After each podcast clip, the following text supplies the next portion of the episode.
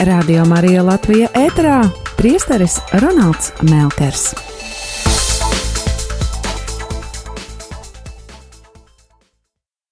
Šajā stundā klausīsimies un pārdomāsim svēto rakstu vārdus, ko baznīcas liturģija ir sagatavojusi lieldienu laika 4. svētdienai.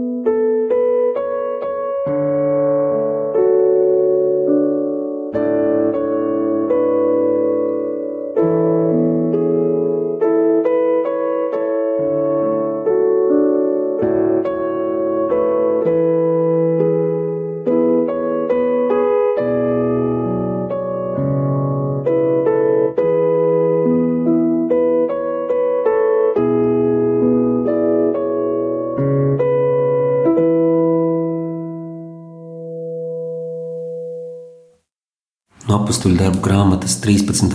nodaļas. Pāvils un Barnaba ceļodami tālāk no Pergas nonāca Pizadijas Antiohijā un sabata dienā iegājuši sinagogā, apsēdās. Un, kad sinagoga izklīda, daudz no jūdiem un dievbijīgajiem prozelītiem sekoja Pāvilam un Barnabam, kas runādami skubināja viņus izturēt dievu žēlstībā. Nākamajā sabatā sanāca gandrīz visa pilsēta klausīties kunga vārdu bet jūdi, redzot ļaužu pulkus, iedegās skaudībā un zaimodami runāja pretī tam, ko teica Pāvils. Tad Pāvils un Barnaba drošsirdīgi sacīja: Dieva vārdu vajadzēja sludināt vispirms jums, bet tā kā jūs to atmetat un sevi uzskatāt par necienīgiem mūžīgai dzīvei, tad lūk, mēs pievēršamies pagāniem. Jo tā mums pavēlēja kungs, es tevi iecēlu par gaismu pagāniem, lai tu būtu par pestīšanu līdz pat zemes robežām. To dzirdot, pagāni priecājās un slavēja kunga vārdu, un visi, kas bija izredzēti mūžīgai dzīvei, ieticēja, un kunga vārds izplatījās pa visu apvidu. Bet jūdi sakūda ietekmīgākās starp dievbijīgajām sievietēm un pilsētas ievērojamos un izraisīja Pāvila un Barnabas vajāšanu un padzina viņus no savām robežām. Bet viņi, nokratījuši pret tiem putekļus no kājām, devās uz ikoniju, bet mācekļi bija prieka un svētā gara pilni. Mēs esam Mazāzijas pašā centrā, no uz rietumiem no tagadējās Turcijas, Pizdīs Antiohijā, sinagogā, sabata rītā. Tur ir sapulcējušies daudz cilvēku, un pretēji tam, kā vien mums šķiet, viņi ir ļoti atšķirīgi. Un, kā vienmēr, tur ir tās trīs grupas. Pirmā ir jūdi, vienkārši jūdi, kas ir dzimuši judaismā, un tad ir eh, tie saucamie prozelīti, kuri ir konvertējušies judaismā, bet kas nav dzimuši judaismā, un viņi ir pieņēmuši būtībā visu, gan ticību, gan praksi, tā skaitā apgaizīšanu. Viņi ir pilnīgi kā, kā judaisti, tikai Viņi nav dzimuši kā jūdi.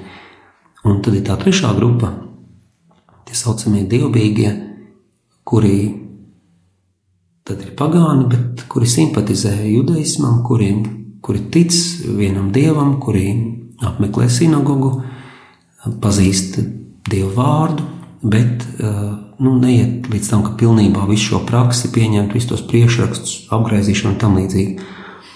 Un tāda ļoti jaukta publika. Un, protams, ka viņi atšķirās arī savā uztverē, kā viņi uztver to, kas viņiem tiek teikt, cik viņi ir atvērti vai, vai vairāk vai mazāk. Un, un Pāvils, kad viņš dodas uz sinagogu, viņa plāns ir pavisam vienkāršs vērsties pie saviem brāļiem jūdiem, runāt par šo nazarieti Jēzu, pateikt to, par ko viņš pats ir pārliecinājies, par ko viņš ir pārliecināts, ka Jēzus ir šis gaidītais mesija.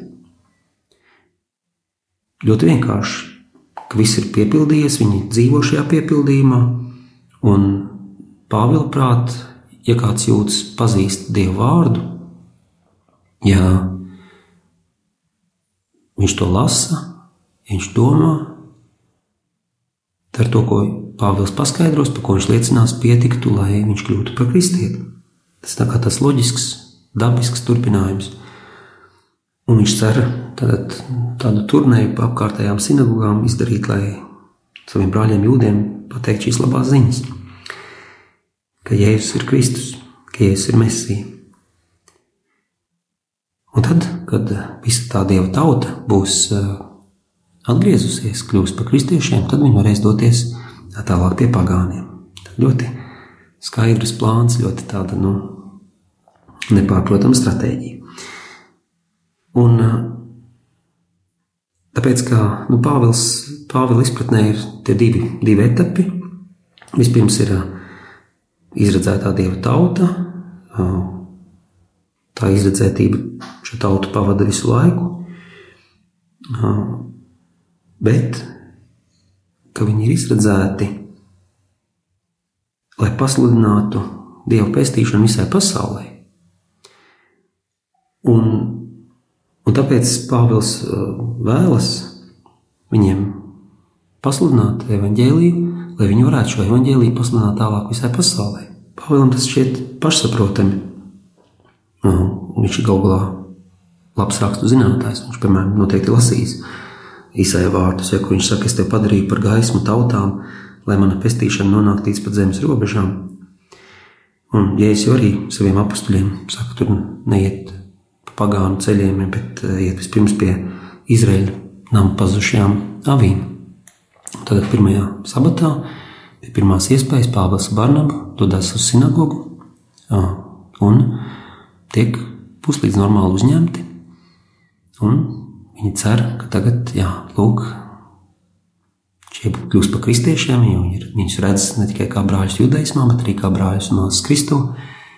Un ka tagad, kad tas būs izdarīts, viņi varēs kopā doties pie pagāniem. Nu, mēs varam iedomāties to prieku, kas viņiem ir, redzēt, ka tas piepildās.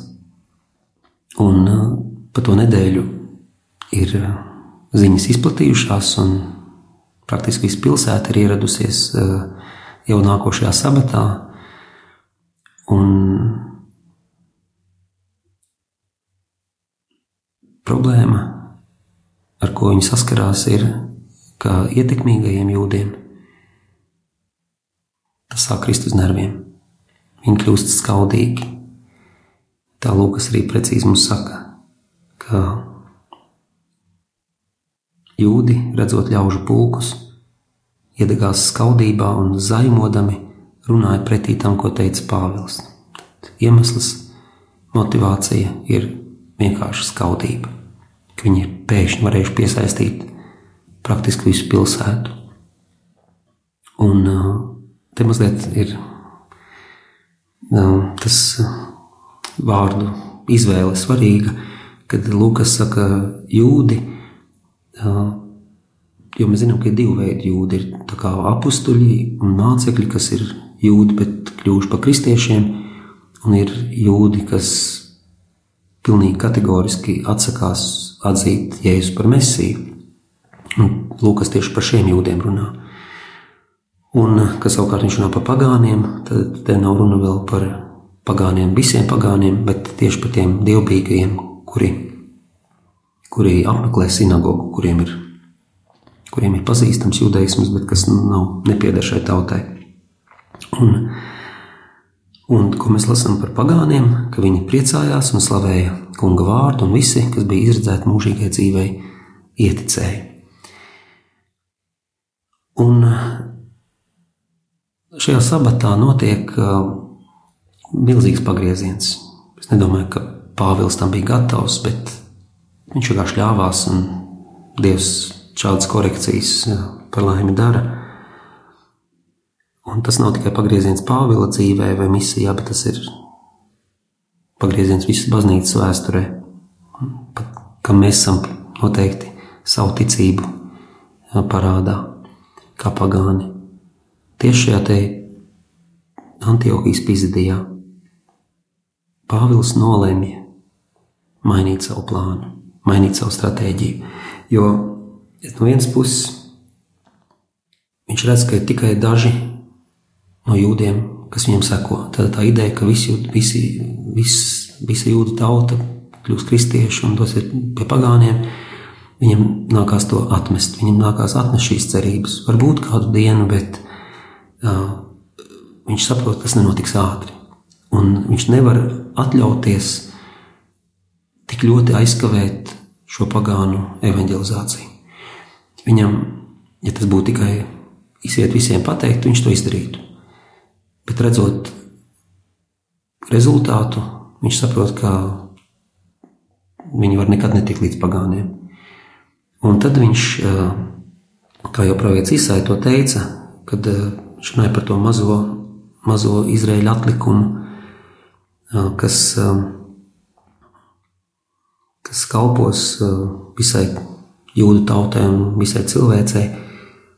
Un, un Pāvils saprot, ka šis mazais atlikums, kad viņiem ir jāuzņemās tā, tas aicinājums būt par tautu apstuļiem, kaut kas, kas ir normāli visas jūdu tautas aicinājums, bet tā kā tauta vairumā atsakās, tad šis mazais atlikums uz viņu pleciem gulstās viss šī, šī, šī nasta, šis smagums, šis uzdevums, šī, šis aicinājums.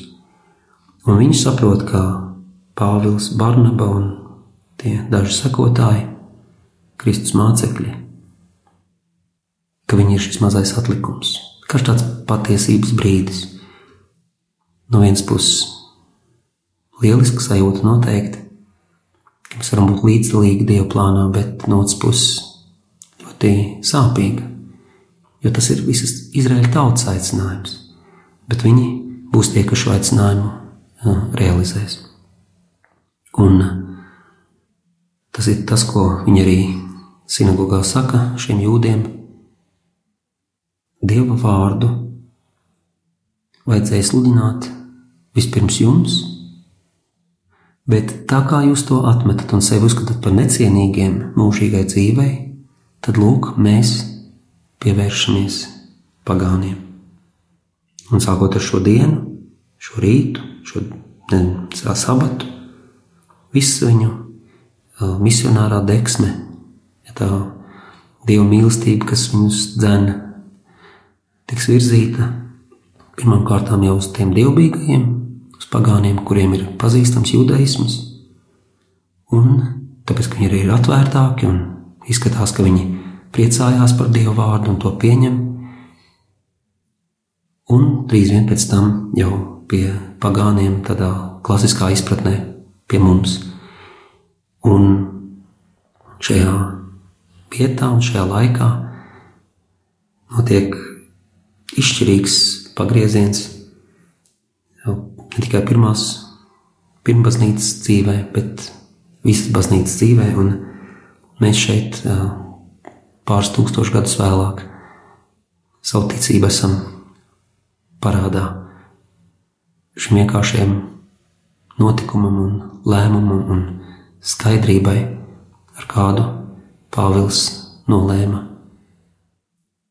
Pieņēma šī mazā, mazā atlikuma statusu un pieņēma lēmumu doties ar šo labo vēstu pie mums pagāniem, negaidot, kamēr visa jūda tauta atgriezīsies.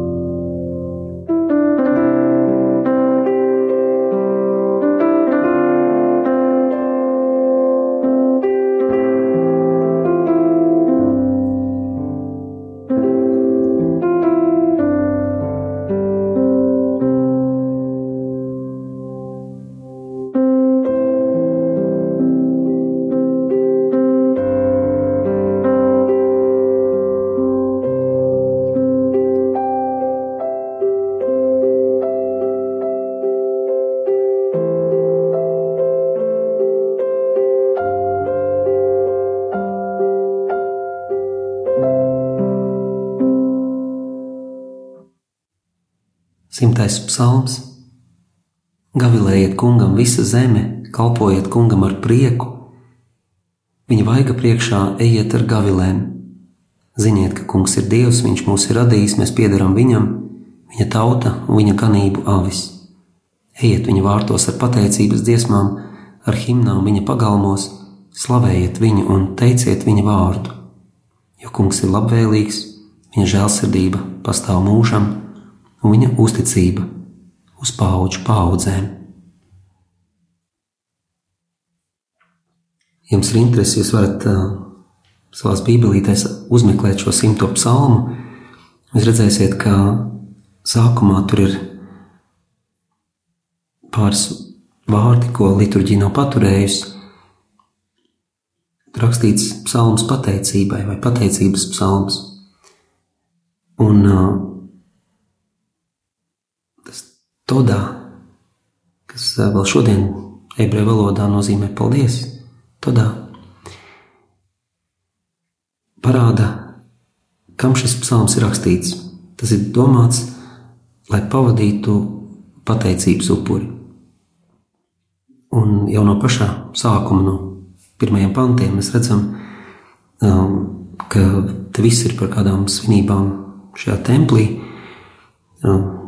Teiciet kungu, kalpojiet kungam, nāciet pie kunga ar savām dziesmām, prieka dziesmām, priecīgām dziesmām, pateicības dziesmām. Tas ir, esam pilnīgi liturģijas centrā iekšā. Un tāpat kā bieži vien baznīcās ir tās dziesmu grāmatas, nu, īpaši pirms nekā sāka uz sienām projicēt dziesmu vārdus, lai visi varētu labāk piedalīties tajās dziesmu grāmatās, un arī koriem, mūziķiem joprojām, ir dziesmas sadalīts tā kā pa tēmām vai pēc pielietojuma, piemēram, komunijas dziesmas, upurēšanas dziesmas, slavēšanas dziesmas. Un, um, un tāpat arī psalmi, visa šī psalmu grāmata ir uh, būtībā Jeruzalemes tempļa dziesmu grāmata pēc Babilonas trimdas, kurā ir dažādi psalmi un paredzēti dažādiem, dažādām svinībām. Un šis konkrētais psalms, kas mums ir šai svētdienai, ir domāts, lai pavadītu pateicības upuri. Un, kad Izraels pateicas Dievam, tas vienmēr ir par derību. Tā derības tēma šajā psalmā ir vienkārši katrā rindiņā iekšā. Pat ja tas ir tik mazs, mazs psalms, tad mēs redzam, ka katra, katra rindiņa runā par visu Izraēļu vēsturi, par visu Izraēļu ticību, vienmēr atgādina derību. Un uh, visas Izraēļa tradīcijas centrā ir tieši šī, šī piemiņa, kas tiek nodota tālāk no paudzes paudzē. Dievs mūs ir atbrīvojis, Dievs ir ar mums noslēdzis derību. Tas ir šīs tautas ticības, lūkšanas, centrs. Un šī kopīgā ticība tad arī veido Izraēļu tautu. Viņu izredzētība, atbrīvošana, derība. Būtībā visa Bībele tiek pateikta. Teiciet, Nu, šis vārds ir interesants, jo tas tiek izmantots jaunā karaļa kronēšanā. Un, ja tas tiek šeit attiecināts uz Dievu, tad būtībā tiek Dievs atzīts par ķēniņu, par valdnieku, par to, kurim, kurim mēs turpmāk vēlamies kalpot. Un tālāk mums ir teiciet, kungu. Un latviešu kungu, kungu tur nekādas atšķirības mums nav. Bet vārds, kas šeit psalmā ir izmantots, ir tā tetragramma, tie četri burti, JHVH. Es teiktu, Jahve, droši vien, lai gan mēs īsti nezinām, kā to izrunāt, mēs pat nezinām, kā to pārtulkot. Bet tie ir vārdi, tas ir Dieva vārds, ko viņš pats atklāja mūzum. Atcerieties to izceļošanas grāmatas trešajā nodaļā to degošo krūmu, un vienlaicīgi tiek atklāta Dieva tāda neaizsniedzamība, ka Dievs ir pilnīgi kaut kas cits, nekā mēs iedomājamies.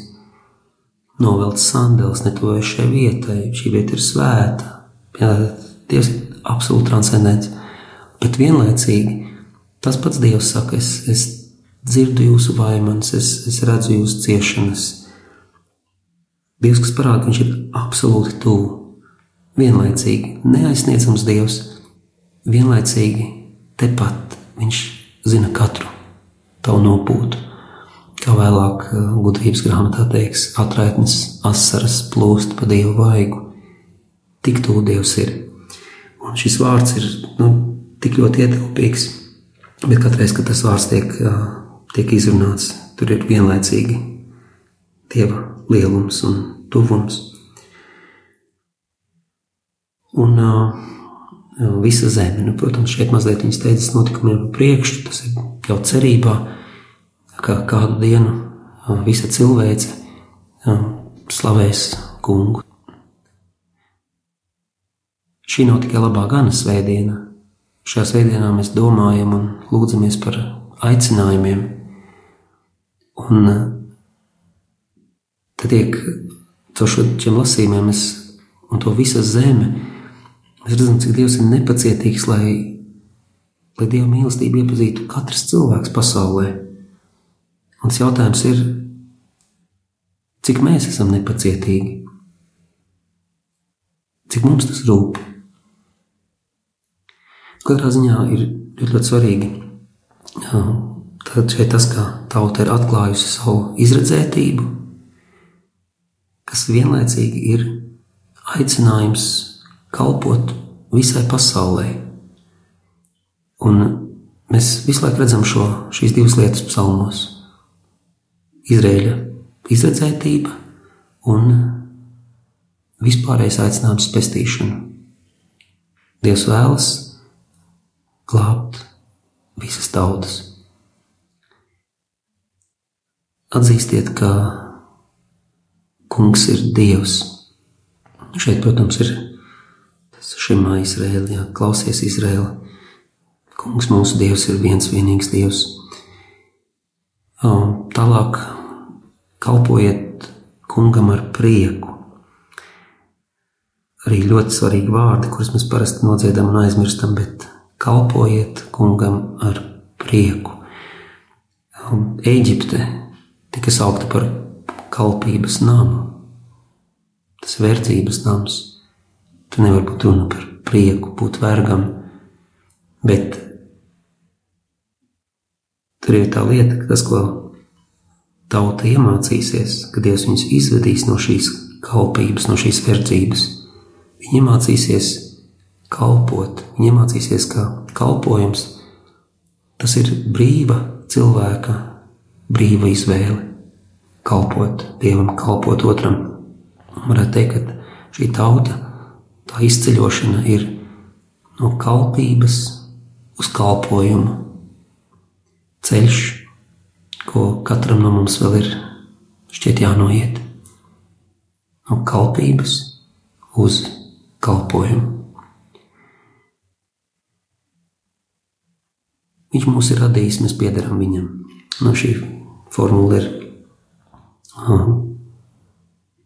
ne tik daudz par radību, par radīšanu, cik tieši atgādinājums par atbrīvošanu.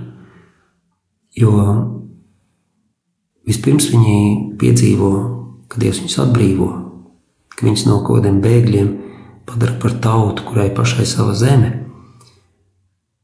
Un kad mūsu viņus ved cauri šim sinais tūkstnesim, viņi pamazām, pamazām iemācās dzīvot derībā ar Dievu. Un pēkšņi šis Dievs mūs ir radījis, mēs piedarām Viņam. Tas kļūst par tādu kā derības saukli.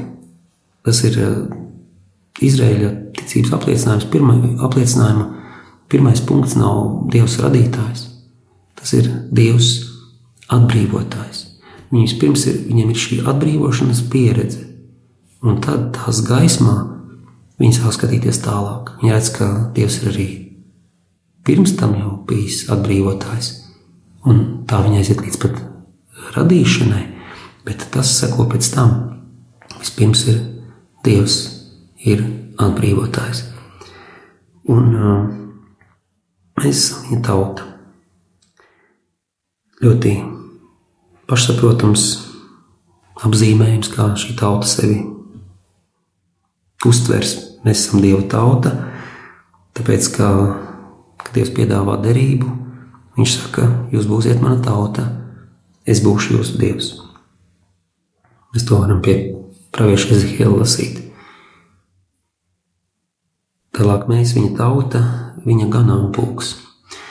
Un šeit uh, mums varbūt īpaši jau mūsdienās vispār ganāmpulkā tāda daudz ko neizsaka, bet īpaši pilsētās, bet, bet arī tur, kur ir šie ganāmpulki, mums, mēs nejūtam tik daudz, jo mums ir zāle visur. Mums ir pat daudz zāles, mēs viņu dedzinām pavasaros, nezinām, ko darīt. Bet uh, Palestīnā ir šie zāles, zāles gabaliņi tādi, kurus vajag, kur vajag pārvietoties no viena uz otru. Un, Un, un šis te ganāmpulks, patiesībā viņiem ir ganām, tā ir viņa lielākā bagātība. O, tam tur bija tik un tik avju, tik un tik tādu un tādu lopu. Tā ir cilvēka bagātība, tā ir viņa, tas viņa lepnums. Ir. Jā, bet, protams, līdz to arī viņa galvenās rūpes. Un ko viņi dara? Viņi, jā, teiksim, to, gan to savu telti būvē tur, kur ir zālēnas ganības priekšņa ganāmpulka, tad gan savu dzīvi pilnībā pakļauj ganāmpulka vajadzībām.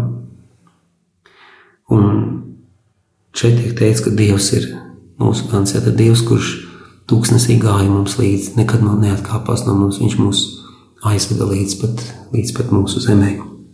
Šis psalms ir ļoti, ļoti ietilpīgs. Un uh, noslēgumā tas piektais, piektais pāns, ne, kungs ir labs, Viņa mīlestība pastāv mūžam. Tas ir tā derības valoda, protams, un ne tā mīlestības derība, ko Dievs ir noslēdzis. To mēs atrodam neskaitāmos citos psalmos. Un uh, turpat klāt viņa uzticība uz paudžu paudzēm, mīlestība un uzticība. Šie šiet ir vienīgie vārdi, kā runāt par Dievu un būt drošam, ka mēs nekļūdāmies.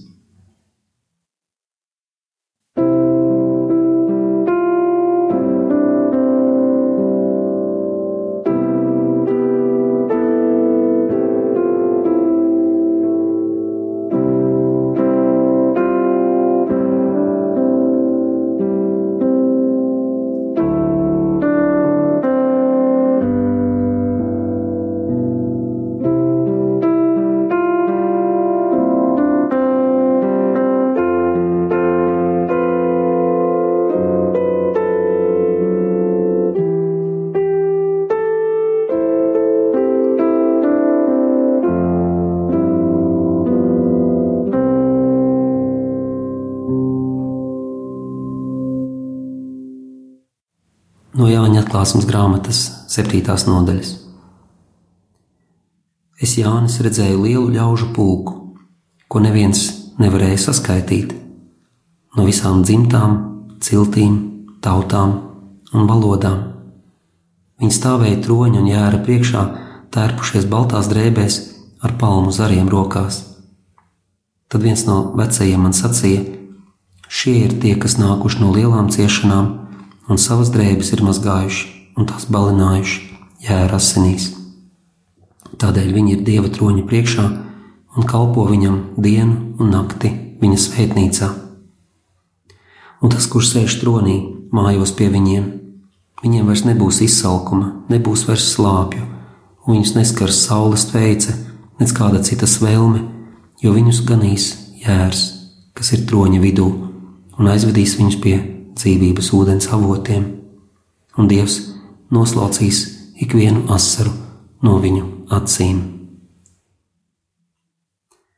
Šis pūlis, ko neviens nespēja saskaitīt, nepārprotami tas liek domāt par Abrahamu, kuram Dievs bija apsolījis nesaskaitāmu daudzumu pēcnācēju. Uzlūko debesis, saskaita zvaigznes, ja tu vari, tik daudz būs tavu pēcnācēju tu mazliet tālāk.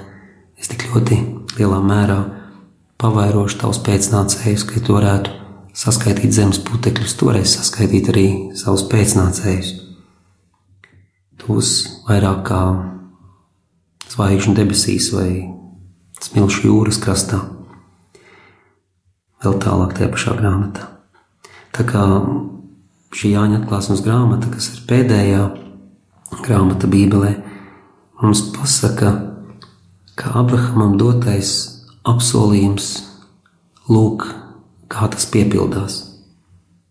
Lūk, tas ir noticis, tas notiek. Un uh, mēs uzlūkojam to milzīgo pūli cilvēku no visām dzimtām, ciltīm, tautām valodām. Šie četri apzīmējumi ir uh, tie runā par, protams, par visu cilvēci. Ik viens cilvēks redzēs Dieva pestīšanu, teica pravietis Isē. Un šī Dieva pestīšana, par ko Isē runā, tas arī uh, ir uh, Nu, tā realizējās tas, kas ir apsolīts. Vairs nebūs izsalkuma, nebūs slāpju, nebūs neskars saules veids vai citas vēlme un tā tālāk. Un uh, mēs burtiski redzam, ka tas tiek teikts par pestīšanas dienu. Ja, tie neizsalks, neizslāps, tos nespiedīs ne karstums, ne saules vēlme Viņu apžēlotājs tos vadīs, tos vedīs pie ūdens avotiem un atspirdzinās. Pestīšana ir klātbūtne, tā ir Dieva klātbūtne, Dieva, kurš ir īstās laimes, svētlaimes, sakne, avots. Dieva mīlestība ir pilnīga, vai kā vēlāk Jānis teiks, tas, kas sēž tronī, mājos viņu vidū. Tas diezgan skaidrs, ko, ko Jānis grib pateikt. Tas tas, ko jūda tauta ir vienmēr vēlējusies, lai Dievs uzbūvē savu telti pie viņiem, lai Dievs mājo uz visiem laikiem viņu vidū. Šis Dieva tuvuma, Dieva klātbūtnes, pastāvīgās klātbūtnes noslēpums, kas šeit, protams, ir jāsliek kopā ar to, ko Jānis rakstīs par Kristu. Lūk, vārds ir tapis miesa un dzīvojis starp mums. Jānis šeit saka, šī cerība ir piepildījusies Kristu. Tādu kā priekšgaršu tam Izrēlā bija kāda īpaša grupa cilvēku, kuri to jau izdzīvoja. Tie bija priesteri Jeruzalemes templī, kuri dienu un nakti kalpoja dievam, un kas bija kā tāda redzamā dieva klātbūtnes zīme. Un tas, ko Jānis šeit saka, ka visa cilvēce tiks ievesta šajā dieva intimitātē, šajā dieva klātbūtnē, dieva tuvumā, ne tikai kādā atsevišķi privileģētie. Es redzēju lielu ļaužu pulku, ko neviens nevarēja saskaitīt. Viņi stāvēja troņa un jēra priekšā. Kalpoja viņam dienu nakti viņa svētnīcā. Lai šo lielo pūli aprakstītu. Jānis uh, izmanto gan jūdu, gan kristiešu liturģijas elementus, es pat nezinu, kā varētu pateikt, tādas. Un tāpēc varbūt atklāsmes grāmata tiešām ir grūti lasāma, bet, ja to izdodas atšķitināt, tas ir tik skaisti. Un, protams, kā no jūda liturģijas te ir pieminēta telts, tie ir telšu svētki, svētki, kurus katru gadu svin. Tie viens no, vien no trījiem šiem lielajiem svētkiem Izrēlā, un kas atgādina, protams, pagātni un vienlaicīgi jau ļauj ieskatīties uh, dieva apsolījuma piepildīšanā. Un uh, par uh, atmiņu ir, protams, par to tuksnesi un, un, un izvešanu no Ēģiptes un derību, ko Dievs noslēdza, Dieva tuvumu viņa tautas vidū, tas, tas ko viņi svin astoņas dienas, burtiski uzbūvējot teltis, kurās viņi dzīvo tā kā šī tauta izceļošanas laikā dzīvoja teltīs, Un, un tas ir tāds atskats atpakaļ, nevis svinam, svinam šo atbrīvošanu, bet, protams, kā arī tā ir tie ir svētki ar skatu uz nākotni, par šo jauno radību.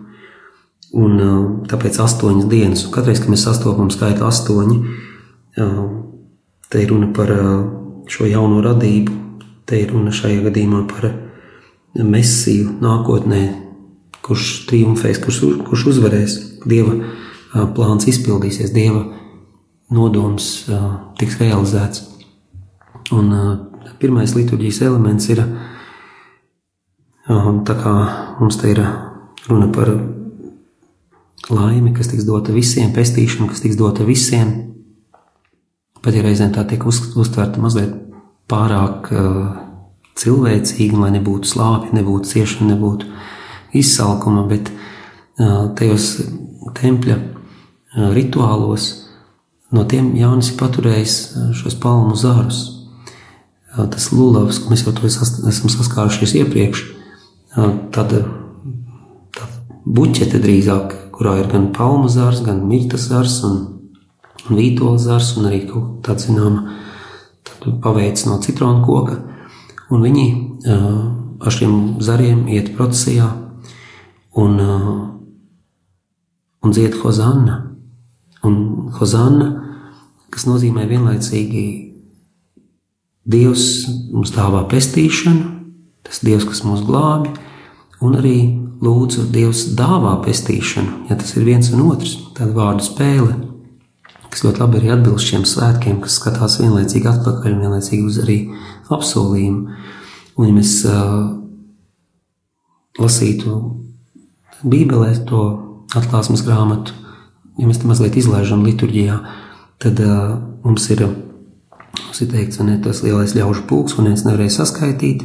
Viņi stāvēja troņa jēra priekšā, tērpšies baltās drēbēs ar palmu zariem rokās, un, un viņi sauca uh, skaļā balsī: Pestīšana ir mūsu dievam, kurš sēž tronī un jēram. Otra uh, lieta ir, otrs rituāls uh, no šiem telšu svētkiem ir uh, kāda cita procesija, tā ir uz siloja dīķi. Astotajā dienā, svētku noslēgumā, viņi dodas,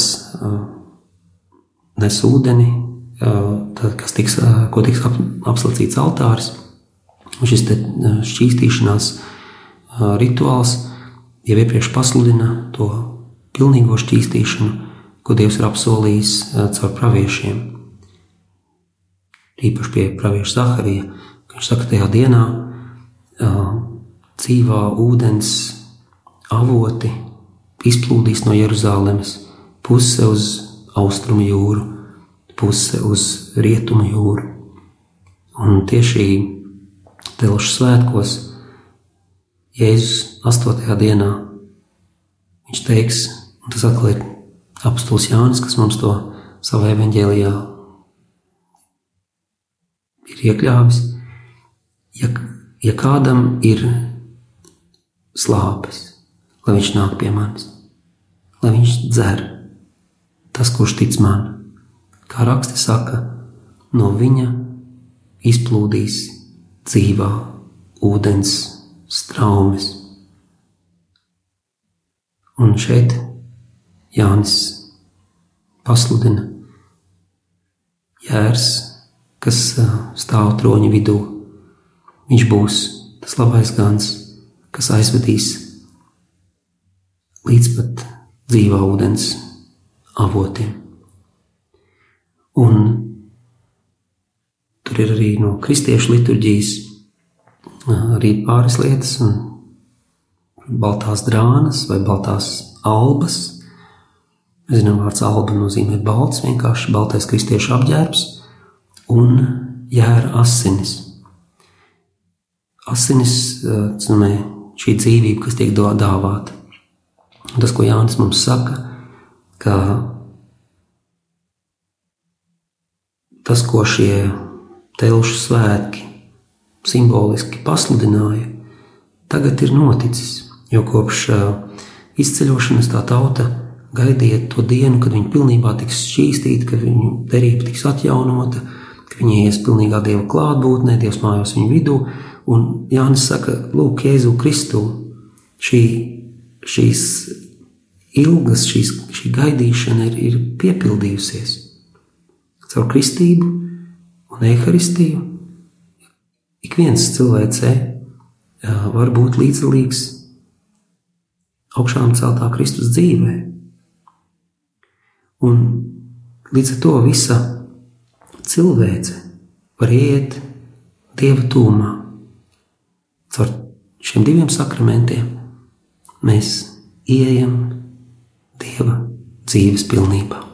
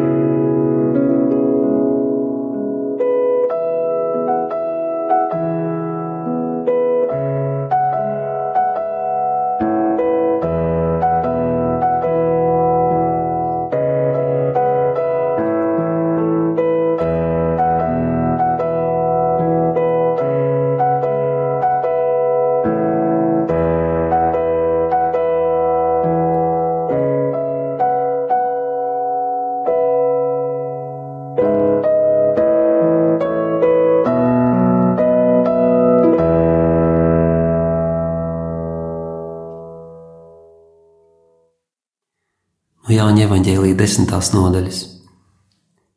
Jēzus sacīja: Mana savis klausa manu balsi, es tās pazīstu, un tās man seko, un es tām dodu mūžīgo dzīvi, un tās nemūžam neaizies bojā, un neviens tās neizraus no manas rokas. Mans tēvs, kas man tās deva, ir lielāks par visiem, un neviens tās nespēja izraut no tēva rokas. Es un tēvs esam viens. Šo tekstu dzirdot, mēs varbūt nenojaušam, cik sprādzienu bīstams tas ir, jo jūdi uz to rēģēja ļoti spēcīgi. Dažas rindiņas tālāk mēs varam Bībelē pastīties. Jūdi paņem akmeņus, lai jēzu nomētātu. Un kas tad ir tik īpašs, kas viņiem iegriezies tik ļoti ausīs? Vēl jau vairāk Jēzus, tā nebija Jēzus iniciatīva kaut ko tādu stāstīt. Viņi uzdeva jautājumu, tā bija atbilde. Viņi tajā slavenajā Salamona lievenī Jeruzalemes templī aplēns Jēzu un, un saka, cik ilgi mūs turēs neziņā, ja tu esi Kristus, saki mums to atklāti. Tā kā ultimātu uzstāda, es vai nē, es Kristus. Vienkārši pasakā skaidri, vienreiz pa visām reizēm. Un tā vietā, lai atbildētu, jā, es esmu mesija, Jēzus sāk runāt par avīm. Un tas ir tieši tas pats būtībā, jo Izraēļu tauta jau sevi labprāt salīdzina ar dieva kanāmpulku, dievu, mēs esam dieva āvis, mēs esam dieva tauta, viņa kanāmpulks, ko viņš vada. Bieži psalmos tas parādās, mēs pat šīs svētdienas lasījām, šīs svētdienas psalmā arī dzirdam, ja viņš mūs ir radījis, mēs piedarām viņam, viņa tauta, viņa ganāmpulks. Un, protams, ka šis ganāmpulks ir bieži vien atstāts novārtā, izlaupīts, ar viņiem ir apgājušies kā gribēja. Ķēniņi kopš Dāvida nav teiksim, vislielākās rūpes parādījuši par šo ganāmpulku. Viņa intereses bijuši kaut kur citur. Bet viņi zināja, tauta zināja, tajā dienā, kad atnāks Mēsija, viņš gan būs īsts gans Dieva tautai, viņš būs labais gans, viņš būs, nu, viņš būs īsts gans. Tāpēc pilnīgi dabiski, tad, kad Jēzus saka, lai, lai pateiktu to, ka viņš ir Mēsija, viņš izmanto valodu par ganu, par avīm, ko viņa tie klausītāji ļoti labi saprot. Bet Jēzus neapstājās pie, pie šī. Viņš viņus ved daudz, daudz tālāk. Viņš runā par avīm, viņš saka, es viņām dodu mūžīgo dzīvi. Tās nemūžam neaizies bojā. Neviens tās nekad neizraus no manas rokas. Kas var dot mūžīgo dzīvi? Tā ir tāda uzdrīkstēšanās kaut ko tādu sacīt. Un būt Dieva rokās, atkal tas ir kaut kas, ko vecā derībā viņi pazīst. Tur bija pie pravieša Jeremija, jūs esat manā rokā, Izraēļa tauta, saka Dievs, kā māls podnieku rokās. Arī tur atkārtotā likuma grāmatā bija visi svētie ir manās rokās. Jēzus viņš uz to atsaucās, un viņš saka, neviens nevar tās izraut no mana tēva rokas. Tas likās, pagaidi, pagaidi, ko tu tikko pateici? mana roka, tēva roka. Viņš saliek tenī pašā, tā kā sinonīmi tie būtu. Viņš noliek vienā līmenī. Un, ja ar to vēl nepietiktu, ja kāds to nesaprastu, viņš vienkārši skaidri un gaiši pasaka, es un tēvs esam viens. Ja viņš būtu vienkārši pateikt, jā, es esmu mesija, tas jau būtu daudz. Bet šeit tas ir nesalīdzināmi vairāk. Tad viņš ir dieva līmenī. Viņš ir vienlīdzīgs dievam, viņš ir dievs. Un klausītājiem tas vienkārši intelektuāli nav pieņemams. Viņi vienkārši to nevar ņemt pretī. Un visi gaida, ka nāks pestītājs, bet viņi gaida cilvēku. Neviens neiedomājas, ka Mēsija varētu būt Dievs pats. Un tā grūt, tās grūtības nāk no tā, ka ticība vienam dievam ir tik spēcīga Izrēlī apliecināt. Tas praktiski ticīgam, tādam dedzīgam jūdam ticēt Kristus dievišķībai ir praktiski ne, tas neiespējami, tas ir praktiski neiespējami. Tad viņi katru dienu atkārto šo savu ticības apliecinājumu, Šemā, Izraēla, klausies, Izraēla, kungs, mūsu dievs ir viens vienīgs kungs. Viņi vienkārši nevar izturēt, ka, ja es saku, es un tēvs, mēs esam viens. Un, un tas arī paskaidro, kāpēc, kāpēc tieši tie garīgie vadītāji ir tie, kas Jēzu vajā vis, visaktīvāk, jo viņi ir visdziļāk iegājuši tajā apziņā par to, ka Dievs ir viens. Un eh, tāpēc viņi grib Jēzu nomētāt ar akmeņu, tāpēc viņi sauc par eh, zaimotāju un tā tālāk. Tas, ko tu teici, ir, ir, ir, ir zaimošana. Tu esi tikai cilvēks, tu sevi taisi par dievu. Mēs saprotam, no kurienes tas nāk. Un, ja jūs kārtējo reizi sastopās ar eh, neizpratni jā, pie tiem, kuri gaidīja mesiju ar tik lielu dedzību, kuriem arī vajadzēja tautai spēt palīdzēt atpazīt mesiju. Un tā tēma ir, kas atgriežas pie Jāņa nemitīgi. Viņš nāca pie savējiem, bet savējie viņu neuzņēma. Un tad viss Kristus uh, personas noslēpums ir šeit.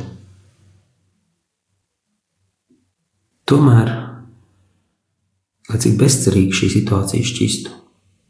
Viss nav zaudēts.